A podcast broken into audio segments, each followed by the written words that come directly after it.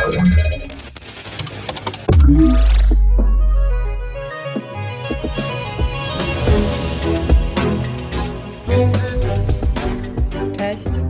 E, Dzisiaj przed nami 211 odcinek Cyber Cyber Raport, a po tej stronie mikrofonu mówi Ewa Matusiak. E, Dzisiaj jest też innymi Dzień Ręcznika, co ciekawe, i Dzień Bzu, ale w sumie nie wiem, czy Bzu, czy Lilaku, bo jest taka, taki internetowy konflikt, można powiedzieć, czy ta roślina z fioletowymi kwiatkami to bez czy lilak, czy może bez jest tylko czarny, nie wiem, nie do końca się znam. E, Natomiast ciekawe, ten dzień e, bzu jest to totalnie nieformalne święto oczywiście, ale ma na celu upamiętnienie Terego Pratchetta. I w związku z tym popularyzować wsparcie badań nad chorobą Alzheimera, na którą pisarz chorował. Ciekawe, natomiast y, ja dzisiaj nie o świecie dysku, którego autorem jest ten Brytyjczyk, ale o cyberbezpieczeństwie. Więc co dzisiaj przed nami? DuckDuckGo umożliwia śledzenie Microsoftowi. Hakerzy atakują rosyjski rząd za pomocą fałszywych aktualizacji systemu Windows. CISA dodaje 41 luk do swojej listy. Keylogger Snake rozprzestrzenia się za pośrednictwem złośliwych plików PDF. Nowa luka w Zoomie pozwala na atakowanie tylko poprzez wysłanie wiadomości. I na koniec Trend Micro naprawia błąd wykorzystywany przez chińskich hakerów do szpiegostwa. Zaczynamy. Znana ze swojego podejścia do prywatności przeglądarka DuckDuckGo wcale nie jest tak skupiona na prywatności, jak mogłoby się wydawać, ponieważ okazuje się, że może celowo umożliwiać śledzenie Microsoftowi w witrynach stron trzecich dzięki umowie dotyczącej treści wyszukiwania.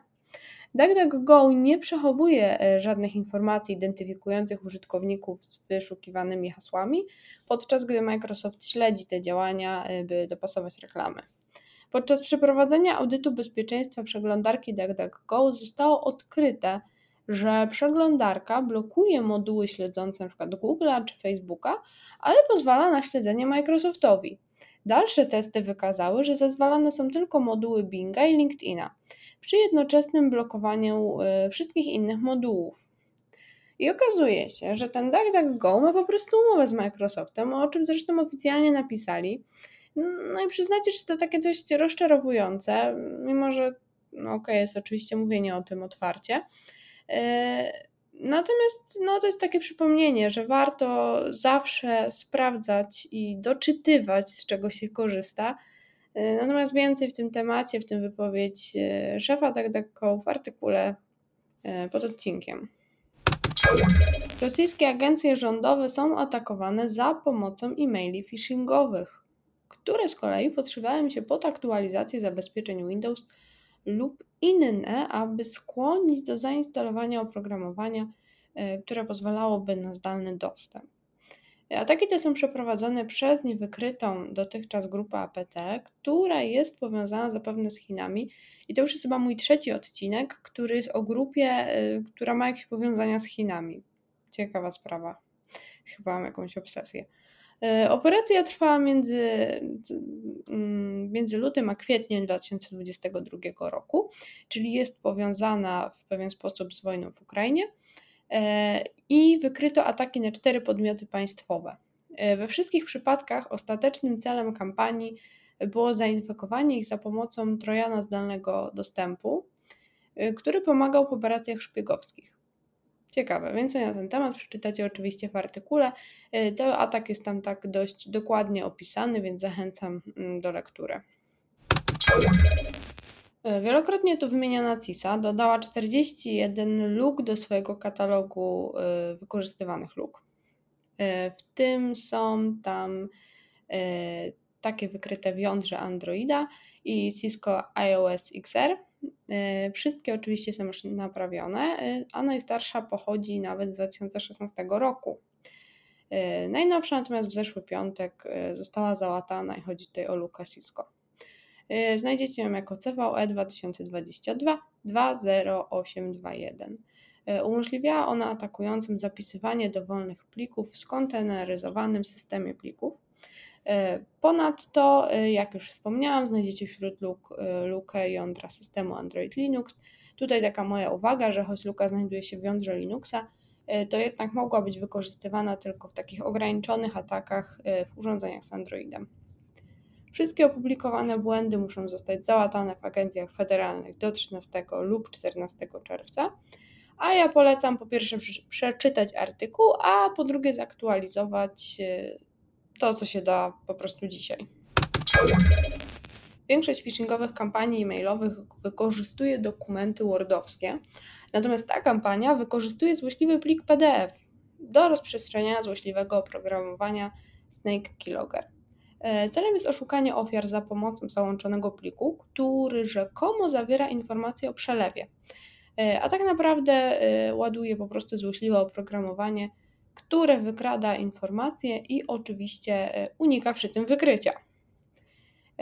Mimo wykorzystania PDF-a, co ciekawe, to później i tak wykorzystywany jest Microsoft Word. Badacze odkryli też, że jeśli ktoś otworzy plik Program Adobe Reader e, poprosi użytkownika o otwarcie pliku Wordowskiego po prostu. I to wszystko jest po to, aby dostarczyć payload, w tym przypadku Snake e, Keylogger.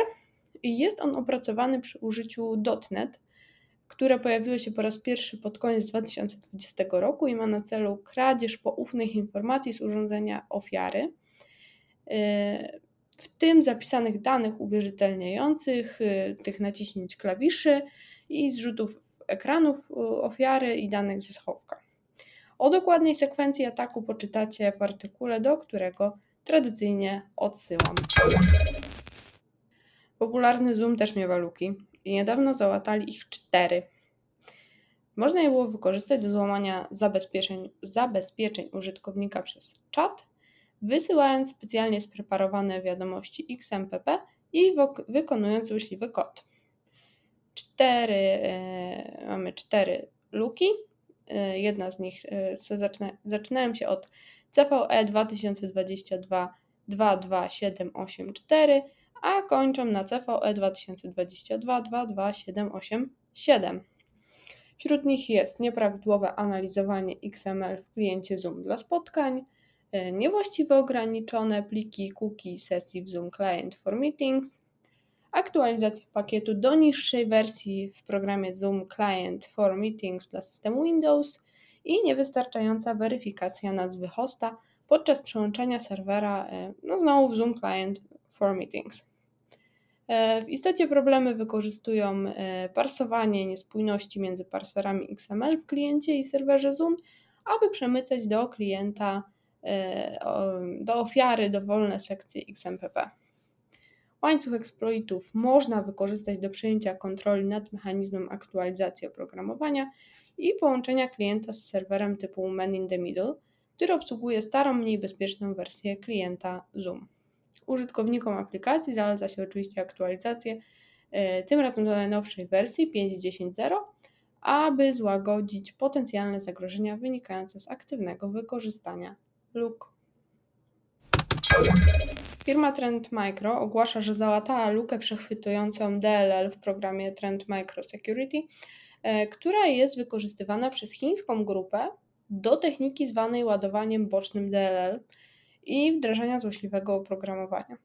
Cyberprzestępcy wykorzystali takie taktyki jak PlugX czy ShadowPad do atakowania dostawców usług telekomunikacyjnych akurat w Azji Środkowej, w celu wydobycia danych z jak największej liczby systemów.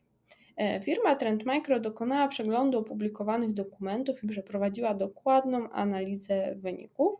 Analiza ta pomogła stwierdzić, że problem dotyczył jednego produktu konsumenckiego Trend Micro i w tym przypadku poprawkę już wdrożono 19 maja e, tego roku oczywiście, a każdy użytkownik z aktywnym połączeniem internetowym powinien wkrótce otrzymać aktualizację, jeśli z jakiegoś powodu jeszcze do tej pory jej nie otrzymał.